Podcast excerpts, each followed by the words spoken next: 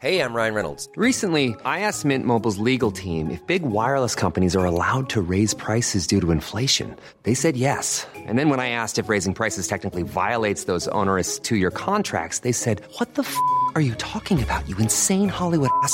So to recap, we're cutting the price of Mint Unlimited from $30 a month to just $15 a month. Give it a try at mintmobile.com slash switch. $45 upfront for three months plus taxes and fees. Promo for new customers for limited time. Unlimited more than 40 gigabytes per month. Slows. Full terms at mintmobile.com.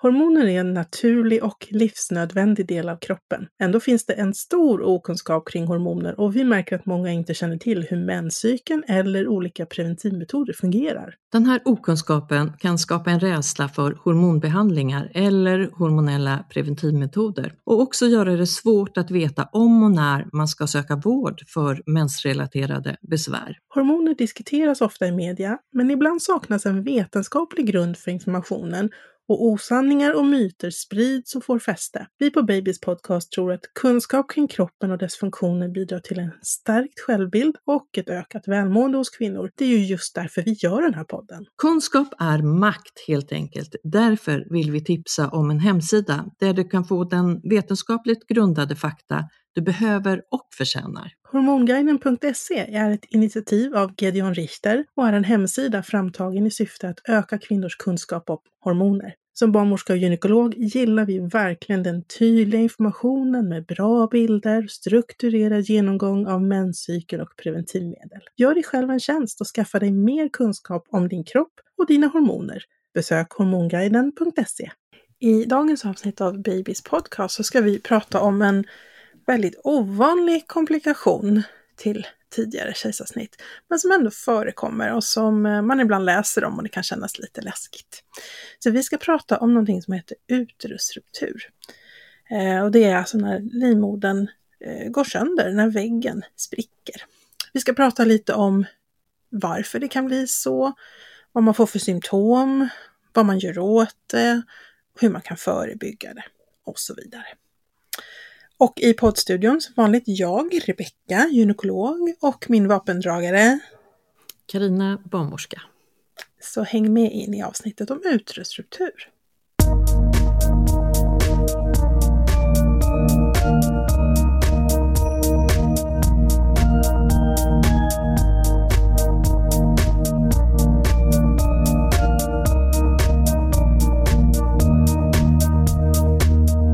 Karina, har du varit med om någon uterusruptur någon gång?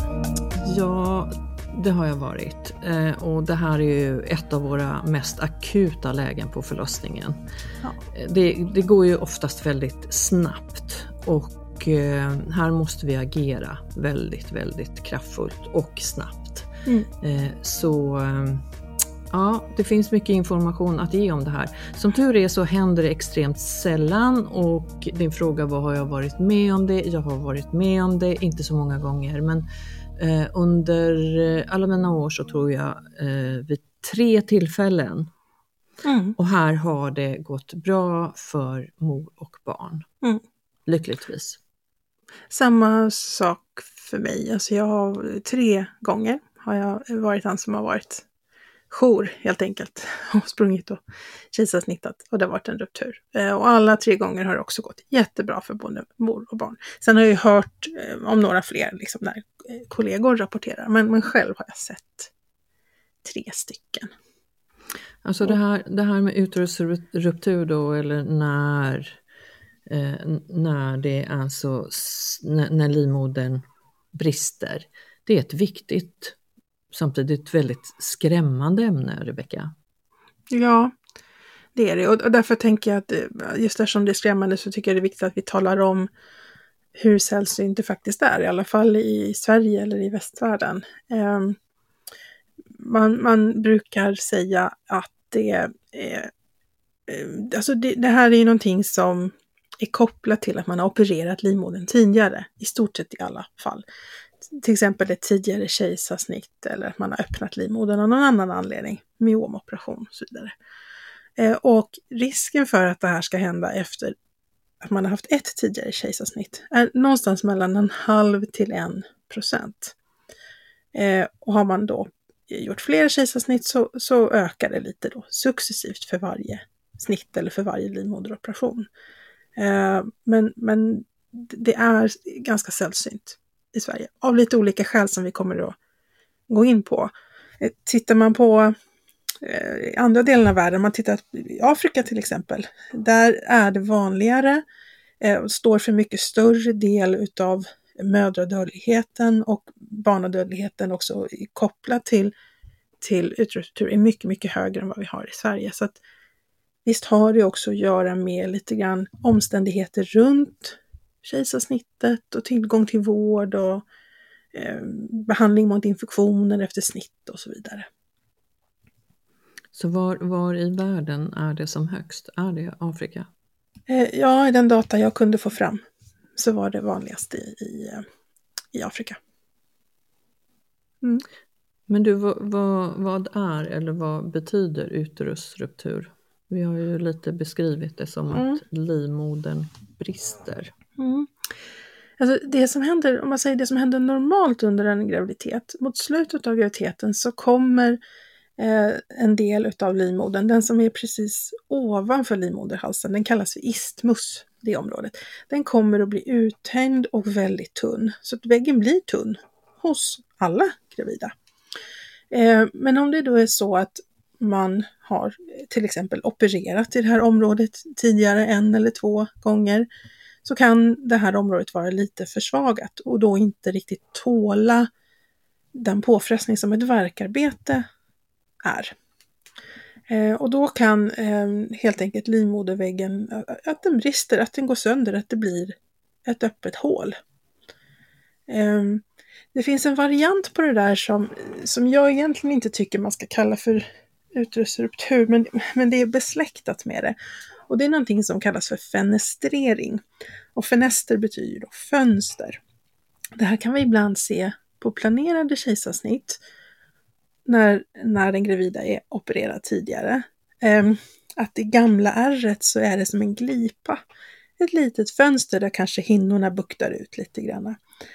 Det här är ju naturligtvis en variant på ruptur, men här är kanterna liksom kanterna är liksom slutna, stängda, det är inga råa kanter som, som blöder.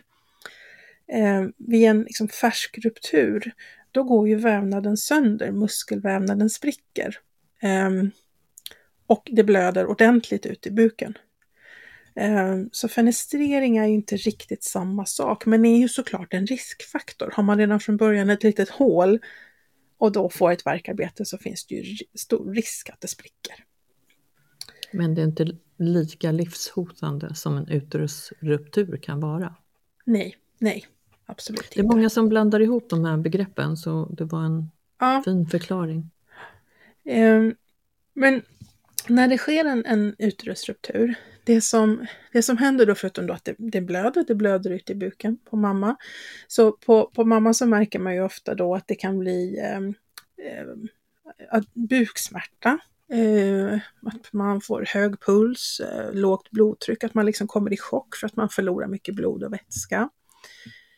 Eh, om det är så att man då är på förlossningen och har ett verkarbete så kan man, eh, man kan också liksom märka på eh, att liksom verkarbetet eh, liksom förändras. Det är som att eh, verkarna blir väldigt intensiva, de blir längre, inte så mycket paus emellan och sen blir det nästan som en storm.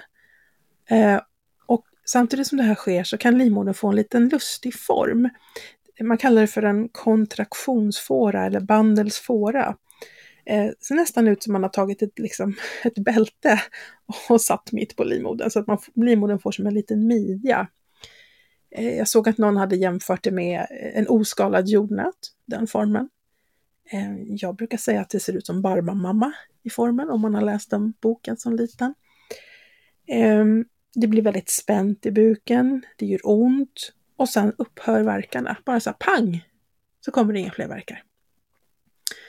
Ehm, ibland kan det också vara så att eh, barnets föregående fosterdel, alltså om det ligger först med huvudet, så kan det liksom åka upp lite grann. Att om det har varit långt ner i bäckenet så kan det liksom studsa upp lite grann.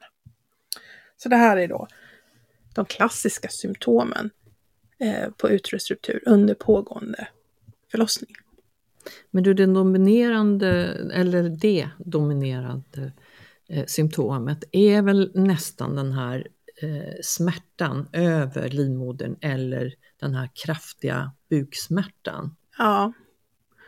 Ja, det är det, liksom, det dominerade och det viktigaste. Man ska alltid tänka tanken eh, om, om en gravid liksom får plötsligt sådär ont.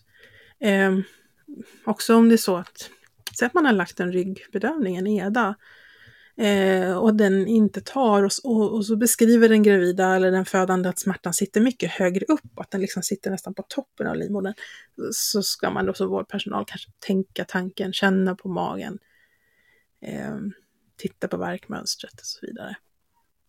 För magen blir oftast väldigt mycket mer spänd och hård ja. i det läget.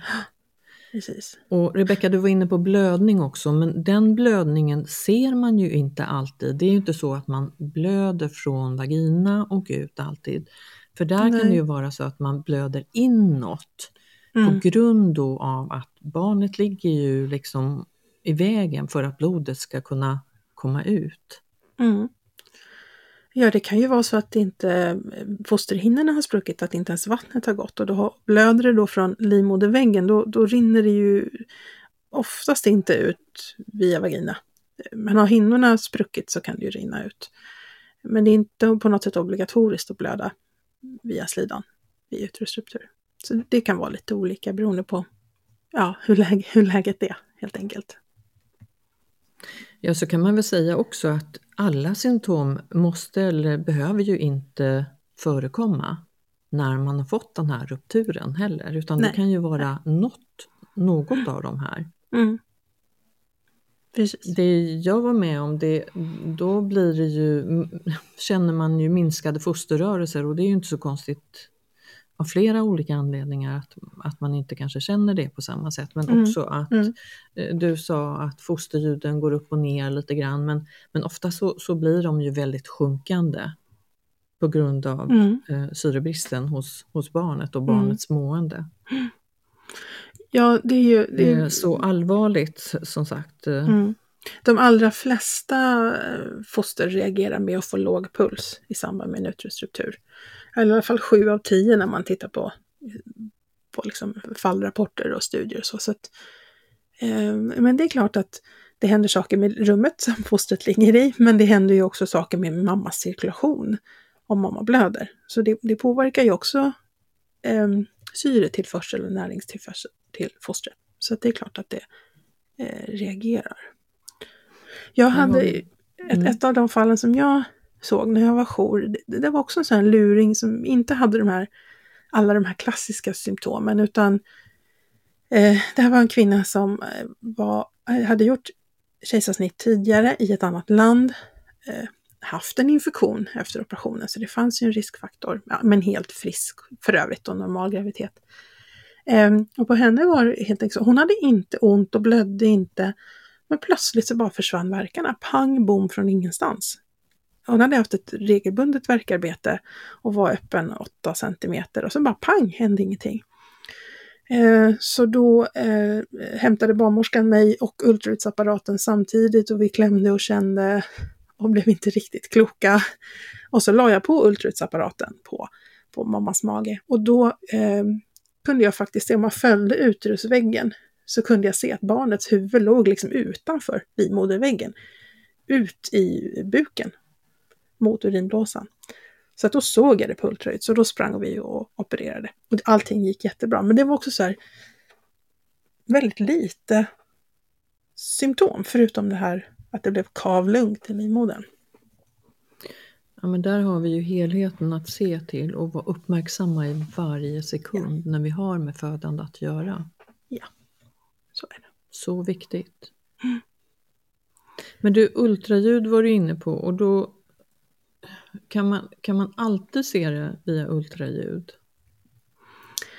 Nej, det kan man inte. Och jag tycker egentligen kan jag tycka i en sån där akut situation om, nu var det här liksom en liten sån där luring som inte visar så mycket, men i en akut situation med kraftigare symptom så kanske man inte ska lägga tid på ett ultraljud. Det beror ju på hur pass långt bort ultraljudsapparaten är förstås, men det ska ju inte fördröja handläggningen. Man pratar ibland om att man kan titta med ultraljud på livmoderväggen innan verkstart, alltså under graviditeten. Eh, och det är klart att vi kan ju mäta tjockleken på livmoderväggen. Vi kan mäta tjockleken på det gamla ärret. Eh, men att se om det är någon liten fenestrering, alltså en sån här liten öppning, är extremt svårt skulle jag säga. Eh, och det är också så att när man har tittat i studier på eh, om man kan liksom mäta livmoderväggens tjocklek och på så sätt förutspå vem som har risk för ruptur och inte ruptur. Eh, då kunde man, det fanns någon studie där man kunde se att om den var tjockare än 3,5 mm så var risken lägre. Men det var ju inte noll. För det vi inte kan se med ultraljud är ju faktiskt hållbarheten.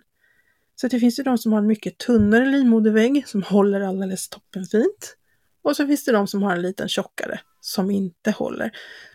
Så att det, det är svårt att med ultraljud helt säkert säga om det här ärret kommer att hålla eller inte. Så det är än så länge ingen superbra metod för att hitta de som är eh, i riskzonen och få en ruptur. Då får man, man gå på lite andra saker tycker jag. Exakt, så vi har mm. inte som rutin att mäta. Nej. För det är ju flera ja. faktorer som samverkar här och som påverkar då risken för den här rupturen. Mm. Precis. För det, vi var lite inne på det där, vad är det som, vad är det som orsakar eller vad är det som ligger bakom? Vad är, vad är, liksom, vad är det som är en riskfaktor för att få utrusruptur? Eh, och i 90 procent av alla fall så är det ju tidigare kejsarsnitt. Eh, kan också vara någon annan tidigare operation på livmodern där man har öppnat väggen. Eh, andra riskfaktorer är om det har gått väldigt kort tid mellan det förra kejsarsnittet och en ny vaginal förlossning. Och där har studier visat att är det mindre än två år så finns det en liten ökad risk för uterusruptur. Det är lite vanligare med ruptur eh, hos äldre födande, 40 plus, Ehm, det är lite vanligare om man har haft en infektion eller haft feber efter tidigare kejsarsnitt. Eh, det är vanligare vid vissa typer av igångsättning, det kan vi också komma in på sen. Det är vanligare om vi verkstimulerar med verkstimulerande dropp. Eh, och sen finns det också en, en faktor i hur vi syr ihop ärret i livmodern vid operationen. Om man syr i ett eller två separata lager. Och syr man bara i ett lager så finns det också en lite ökad risk för utrusruptur jämfört med om man har sytt i två lager. Så det är väl de viktigaste riskfaktorerna. Det, vad säger vi om, om lite större barn då? Är det en riskfaktor? Har jag inte sett några data på. Um, så det vågar jag inte svära på. Är det någonting som du har Nej men jag har hört? bara hört i förbifarten sådär att stora barn eh, skulle möjligtvis kunna vara en mm. riskfaktor. Mm. Så det kan man ju tänka sig för sig. När stora barn så kan det ju vara ett, liksom ett längre förlopp, att det blir ett längre verkarbete, det tar längre tid. För det är ju också en faktor såklart, hur länge själva arbetet i livmodern pågår. Så att, eh, på så sätt så skulle det väl kanske kunna stämma då stora barn. Mm. Men mm, den har jag inte sett några siffror på. Så passa lite på den då. Ja, det får du mm. göra. Men du, det, det, handlar alltså om den här ärrbildningen och eh, det gamla såret helt mm. enkelt mm. Som, som efter ett kejsarsnitt eller annan typ av operation gör att, eh, att livmodern blir skörare. Mm. Och då framförallt under verkarbetet. Ja, jag kikade lite på det här, om, finns det någon risk att man får en ruptur um, om man inte ens är i verkarbete? Uh, det är väldigt, väldigt sällsynt. Um, de beskriver det, jag läste lite i, i olika läroböcker, det beskrivs som extremt sällsynt. Och de fall som man har sett en, liksom en, en riktig ruptur under graviditet utan verkarbete så har det varit um, två typer av situationer. Det ena är om man är opererad med kejsarsnitt tidigare med ett så kallat T-snitt.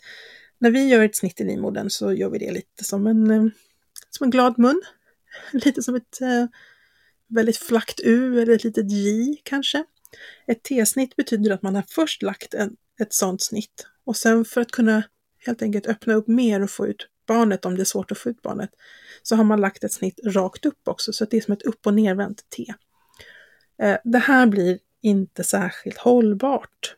Ehm, så då rekommenderar man definitivt kejsarsnitt nästa ehm, graviditet. Eh, och de, det finns beskrivet att de som opererar med T-snitt kan få ruptur utan verkarbete, men extremt sällsynt. Ett annat fall med ruptur eh, utan verkarbete, det är om det har varit ett, ett trauma mot magen. Ett kraftigt trauma, ett kraftigt slag mot magen. Det är ju heller inte särskilt vanligt. Men det är de enda. Och då liksom, tänker du fall. traumaslag mot magen under graviditet eller ja, när som i kraft, livet? alltså kraftig bilolycka, men man Mm. Och det slår kan magen i ratten, innan graviditeten? Nej, alltså under graviditeten. Att Under du, du är tidigare, du är tidigare Ja. snittad, har ett kraftigt trauma mot magen Mm. och då kan det spricka utan Ja. Och då vill jag bara säga kraftigt våld mot magen, det är alltså inte att det äldre syskonet hoppar lite på magen. Det räknas inte. För den frågan får jag jätteofta. Är det farligt att min tvååring eh, hoppar på min mage? Nej, det är det inte. Men att eh, krocka i 70 kilometer i timmen, det kan vara farligt.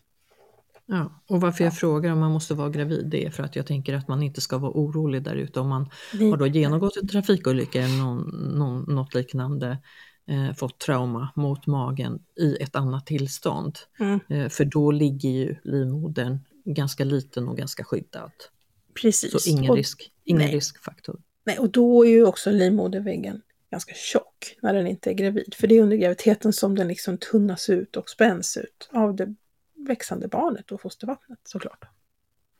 Och när du säger så, då undrar jag ju när i graviditetsvecka? För då är det ju eh, allting blir ju större, mer uttänt och, och tunnare i slutet av graviditeten. Mm. Så när har vi som störst risk?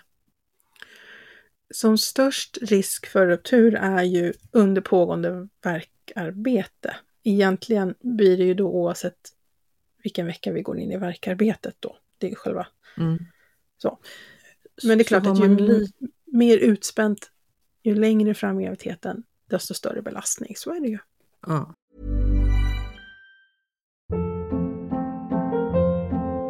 Hold up. What was that? Boring. No flavor. That was as bad as those leftovers you ate all week. Kiki Palmer here, and it's time to say hello to something fresh and guilt-free. Hello Fresh. Jazz up dinner with pecan-crusted chicken or garlic butter shrimp scampi. Now that's music to my mouth. Hello Fresh. Let's get this dinner party started. Discover all the delicious possibilities at hellofresh.com.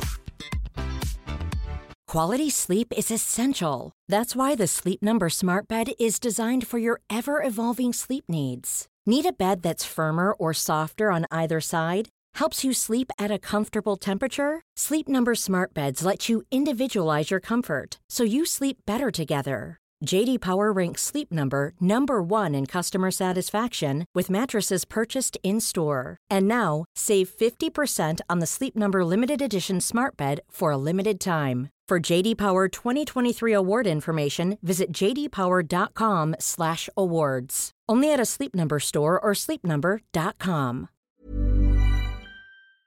Okej, så, så prematura kontraktioner eller vid ett eh, Eh, det är, skulle då kunna vara en lägre risk? Eh, skulle det kunna vara eh, också av den anledningen att då, ofta när det är en, en, en prematur födsel så går ju den ganska fort, för fostret är litet. Eh, jämfört med ett fullgånget foster. Det blir inte lika långt verkarbete, det blir inte lika kraftigt på det sättet. Så att, eh, då är det oftast en minskad risk. Med det innebär inte att man, att man vid tidigare snitt ska sätta igång prematurt för att minska risken. Absolut inte. Då skapar vi bara nya problem såklart. Men du, men- vad, vad skulle du råda den gravida att själv vara uppmärksam på? Ehm, Buksmärta säger du? Ja, buksmärta, buksmärta, vaginal blödning. blödning. Ehm, det är egentligen det man ska vara uppmärksam på under pågående graviditet. Sen under själva födseln, då har man ju också eh, hjälp av den barnmorska som bistår, som ju håller koll på verkarbetet. Hur långa är verkarna? Hur ofta kommer de? Hur mycket paus blir det emellan? Barnmorskan känner ju på livmodern. Eh, känner var barnet står, känner hur livmodern jobbar, känner på ligamenten runt om och så vidare. Så eh, då är det väl egentligen barnmorskan som ska vara uppmärksam. Eh, och det vet jag ju att ni är. Det är ju ni ska som... vi alltid eh, vara. Det är ja, men det är ni som larmar och att vi säger har till. med oss. Ja. Jo, men vi ska alltid ha det här i åtanke och agera snabbt. För det Mm. här är ju en, en, kan vara en livshotande situation där det kan gå väldigt, väldigt snabbt. Mm. Eh, Så eh, med att det finns riskfaktorer så ska vi jobba utifrån det. Ha med oss det tänket. Ha med oss normala tänket och kraften hos den födande men också att saker och ting faktiskt kan, kan komma. Och just när man tänker på de här riskfaktorerna som du har varit inne på. Mm. Mm. Eh, vet du någonting om, om det är en ökad risk med epidural, alltså ryggbedövning? det har man, man har diskuterat det lite grann. Eh, Man har diskuterat om det kan vara så, inte att själva epiduralen skulle orsaka en ruptur, absolut inte. Men man har diskuterat om det kan vara så att epiduralen kan maskera en ruptur. Mm. Det. Så det vill säga så att man inte märker den. Och det har man nog till slut eh, efter diskussion och studier kommit fram till att det tror man inte att den kan. Eh, därför att smärtan skulle bryta igenom epiduralen ändå. Och det skulle de här andra tecknen liksom med, med verkstorm eller helt av liksom utslaget verkarbete och den här konstiga formen på livmodern, det skulle man få ändå. Men man säger det, eh, just som jag nämnde förut, om man har en ryggbedövning som inte verkar ta alls, eh, eller att, att den gravida beskriver att smärtan sitter väldigt högt upp, trots att man har en epidural, så ska man tänka tanken ruptur och ändå undersöka, känna och titta och så vidare. Men, men att eh, man, man tycker nog inte att man kan maskera en ruptur med en epidural. Men du, vi var inne på det här med verkstimulering, oxytocinet. Mm. Eh, och där vet vi ett överaktivt verkarbete, alltså som, som, ju, som man kan få av sig själv, men Ja. också kanske framförallt vid eh, oxytocininfusion eller verkstimulering. Mm. Det, det är ju, vi diskuterar ju det här eh, väldigt ofta. Mm.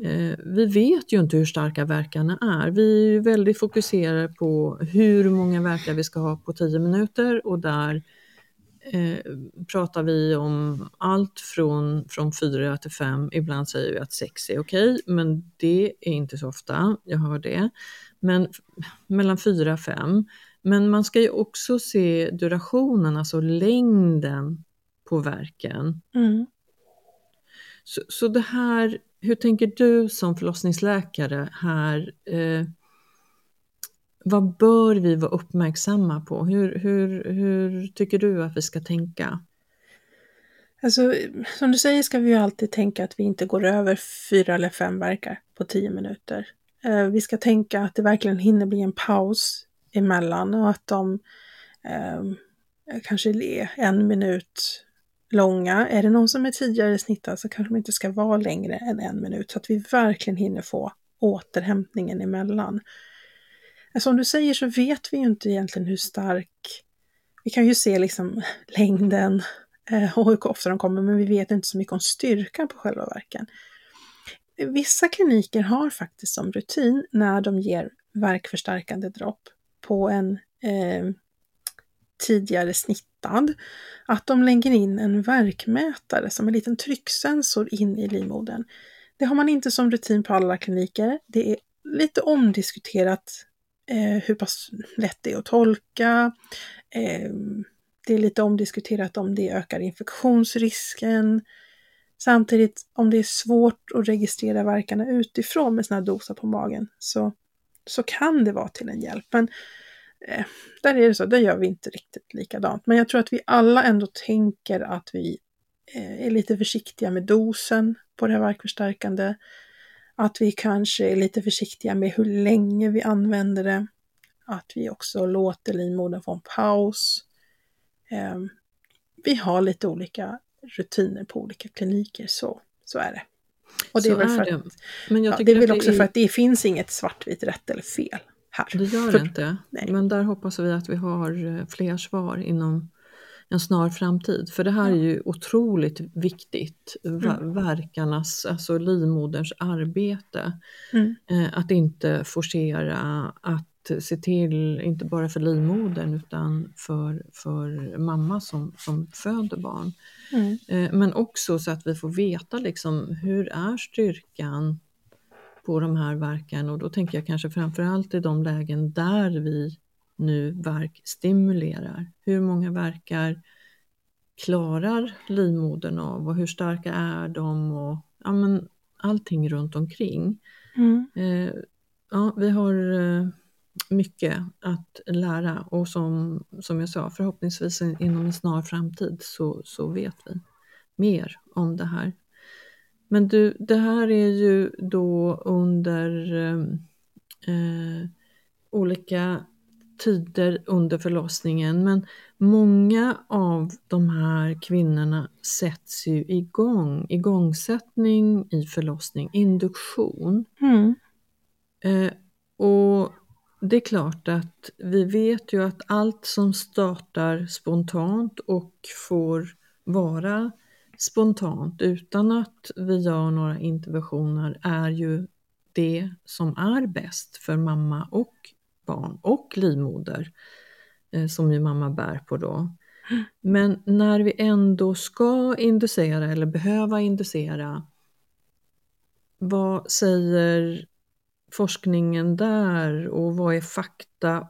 Vad vet vi idag om metoder? Är det fortfarande så att vi där föreslår och rekommenderar att vi börjar med den här ballongkatetern och bräcker Ja. hinnorna, fosterhinnorna så att fostervattnet går? Ja, alltså generellt är det fortfarande så att förstahandsalternativet, om det är möjligt, eh, om man ska sätta, man ska sätta igång dem som tidigare snittad. Eh, förstahandsalternativet är ju att ta hål på hinnorna så att vattnet går, eller sätta en ballongkateter. Eh, sen gjordes det en, en eh, studie på, eh, på Södersjukhuset eh, jag tror att den var klar 2018, När man har tittat just på det här med uterusruptur och igångsättning och spontan start och jämfört. Ehm, och då, då såg man det att om, om förlossningen startade spontant så var frekvensen uterusruptur ungefär 1 procent. Ehm, men om det då var en induktion så berodde det lite på vilken metod man hade använt. Och använder man då en ballongkateter eller om man använder det här läkemedlet Cytotec som vi har pratat om i ett tidigare avsnitt förresten med Tove Wallström. Använder man någon av de metoderna eh, så var risken för uterusruptur 2% Och det var samma i de två grupperna, så de var likvärdiga. Om man tittade på ett lite eh, äldre läkemedel som heter Minprostin, som är en typ av vaginalgel, där hittade man störst andel uterusrupturer, där var det 5% Så då är det ändå så att om det inte är åtkomligt för att sätta en ballongkateter, om det är liksom väldigt omoget och stängt, så talar den här studien för att man i alla fall kan använda Cytotec utan att få en ökad risk för ruptur. Men kanske inte de andra läkemedlen. Men sen tycker jag att man alltid ska titta på vem det är Alltså vem är det vi har framför oss? Vem är det som ska föda? För blir det liksom många riskfaktorer som tornar upp sig så kanske man måste ja, väga lite fördelar och nackdelar och kanske inte göra en igångsättning utan istället planera för ett kejsarsnitt. Så det, om man tänker till exempel att vi har en patient som är tidigare snittad, eh, fick en infektion i livmodern efter snittet, eh, är över 40 år gammal och har en väldigt omogen livmodertapp. då kanske man ska diskutera att göra ett planerat snitt istället för att riskera en igångsättning. Ja, det, så man, man måste väga in även sådana faktorer. Ja, Hur många viktigt. riskfaktorer liksom har den här personen? Mm, väldigt viktigt med eh, den individuella bedömningen. Eh, men, och, och så kan det ju vara också att man, man, man startar spontant eh, och man behöver ändå avbryta för att göra ett akut kejsarsnitt då man ser att det finns en ökad risk under Mm. den vaginala födseln. Eller att man startar upp med en igångsättning och man bryter även den för att Mm. göra ett akut kejsarsnitt för Mm. att mamma och barn ska må så bra. Man ser att det ja, kan finnas någonting som, som ligger i vägen där för att fortsätta den här resan i induktionen eller att livmodern börjar bli trött eller signalera på med, med något av sina symptom här. Då bryter Mm. man ju ganska omedelbart för att göra ett snitt. Därav så. så har vi ju eh, faktiskt mödrar och barn som mår bra. Även Mm. efter det här Mm. eh, mest akuta som vi ändå har på förlossningen som är då den här rupturen. Kan man se att det finns en större risk efter ett akut kejsarsnitt gentemot ett planerat kejsarsnitt? Ehm, det har jag försökt kika på och inte hittat eh, någon, liksom, någon tydlig skillnad. Siffrorna verkar vara ungefär de samma. Faktorer som, kan, som verkar spela större roll är operationsteknik. Eh, hur många lager man har sytt. Eh, och det som brukar ha betydelse är också det här med blir det en infektion eller inte. Eh, vi vet att det är lite vanligare med infektion i livmodern efter ett akut kejsarsnitt än efter ett planerat. Men det är också därför vi, de allra flesta har som rutin att man ger förebyggande antibiotika i samband med ett akut kejsarsnitt för att ja, förebygga infektion. Så det kan vara sådana faktorer snarare som spelar roll. Men själva operationstekniken, om du gör ett akut kejsarsnitt eller ett planerat, det är ju detsamma. Vi öppnar livmodern på samma sätt, vi sluter den på samma sätt. Så att, ur den aspekten borde det inte vara någon skillnad och jag har inte kunnat hitta någon studie som visar på någon större skillnad heller.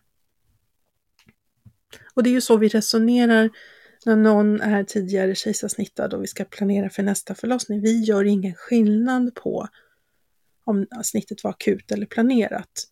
Snitt som snitt. Eh, så. Men du, eh, allt det här vi pratar om idag, det, det är ju många som, vi pratar ju om förlossningssätt. Det finns två sätt att föda, du och jag. Du har ju genomgått eh, eh både och. Eh, Jag bara vaginalt. Men eh, idag så är det ju en, en diskussion, vem, vem får, vem får inte eh, ett kejsarsnitt. Och det här är ju kanske en av anledningarna till att man ska aldrig bli övertalad. Vi gillar ju båda förlossningssätten lika mycket och frisk mamma, friskt barn är det som, som gäller alltid.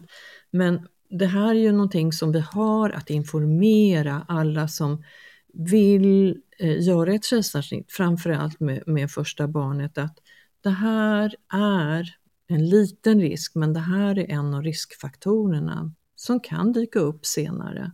Och ju tidigare i barnaskaran man gör ett kejsarsnitt, eh, ju ökad risk kan det bli. För det är väl ändå så, nu frågar jag dig, men, men om jag har gjort ett kejsarsnitt och sen föder tre vaginala, eller har tre vaginala födslar, eh, och så ska jag föda mitt fjärde barn, då är det väl ändå så att livmodern har ju varit utsatt eh, för verkarbete under tre gånger tidigare kanske, eller eh, eh, två i alla fall under de vaginala där. Mm. Är det en ökad risk eh, också för en uterusruptur? Det är faktiskt ett Nu minst. krånglar jag till det lite. Ja, förstår jag du? förstår vad du menar. Men så här, om, om, om jag, säger att jag är akut kejsarsnittad med mitt första barn. Och sen så föder jag ett barn till efter det vaginalt. För mitt tredje barn sen, då har jag faktiskt en lägre risk för uterusruptur rent statistiskt ska vi säga, eh, än vad jag hade med mitt andra barn. För man, man har sett det att en vaginal förlossning efter ett tidigare snitt innebär att man också har en lägre risk för uterusruptur kommande graviditet snedstreck förlossning. Eh, då har ändå på något sätt livmodern Mm, bekänt färg, att den klarade det där. Precis, och där, har vi ju, där har vi ju också avsnitt, Rebecka du och jag, om, om Mm. eh, eh, vaginala födslar efter att ha gjort kejsarsnitt. Mm. Så det Ja, kan ni precis, gå tillbaka och lyssna på. Ja, och där pratade vi med Jenny Stolt som är förlossningsöverläkare. Eh, Hon, hon beskrev ju just det att, att eh, hon har ju haft födande som har gjort två snitt och kanske till och med tre snitt och det har gått bra. Eh, Det var det att vi ska välja, liksom välja rätt metod till rätt person och väga samman Mm. alla, alla olika riskfaktorer och friskfaktorer. Både vad som talar för plus och minus. Så att, ja. Mm, så.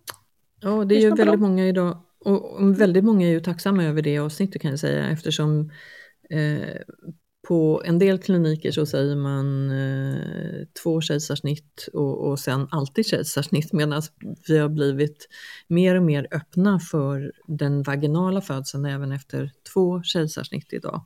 Eh, och där, där beskrev ju Jenny Stolt det väldigt bra tycker jag. Mm, verkligen. Det jag vill understryka är att det här är sällsynt. Men det händer. Eh, så nu ska inte alla som är tidigare snittade liksom gå runt och vara oroliga för att få en utrusruptur. Risken är ju liten. En halv till en procent efter ett snitt. Två procent efter två snitt. Så vi pratar om, om ovanliga saker. Ehm, men även ovanliga saker kan ju vara eh, intressant att höra om. Och vi har ju fått en del frågor eh, kring det här också. Så att därför tänkte vi att det var bra att ta upp. Exakt, ja, men det är ju det. Vi, vi är ju eh, podden som, som vill kunna ge er där ute fakta och vetenskap och lite statistik, vad det är, hur vi ska förhålla oss, hur vi kan tänka idag också. Och det här är ju viktigt, för det här är ju ett av våra ämnen inom förlossningsvården Mm. ändå. Mm. Eh, och många har hört av sig och vill veta mer om, om eh, vad det betyder och symptomen, statistik, riskfaktorer och så vidare. Så det hoppas jag att vi har delat med oss av idag, Rebecka. Ja, det hoppas jag med. Mm. Och så är vi snart tillbaka med något annat spännande ämne. Ja, Ja. Om vanliga och ovanliga saker. ja men Högt och lågt, absolut.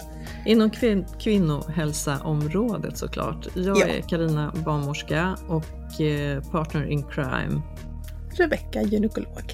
Ja, vi är snart tillbaks, så Ja. fortsätt gärna att följa oss och gärna också på Instagram, ett Babys podcast. Snart tillbaks som vanligt. Ha det gott så länge. Tack för idag och hej då. Hej då!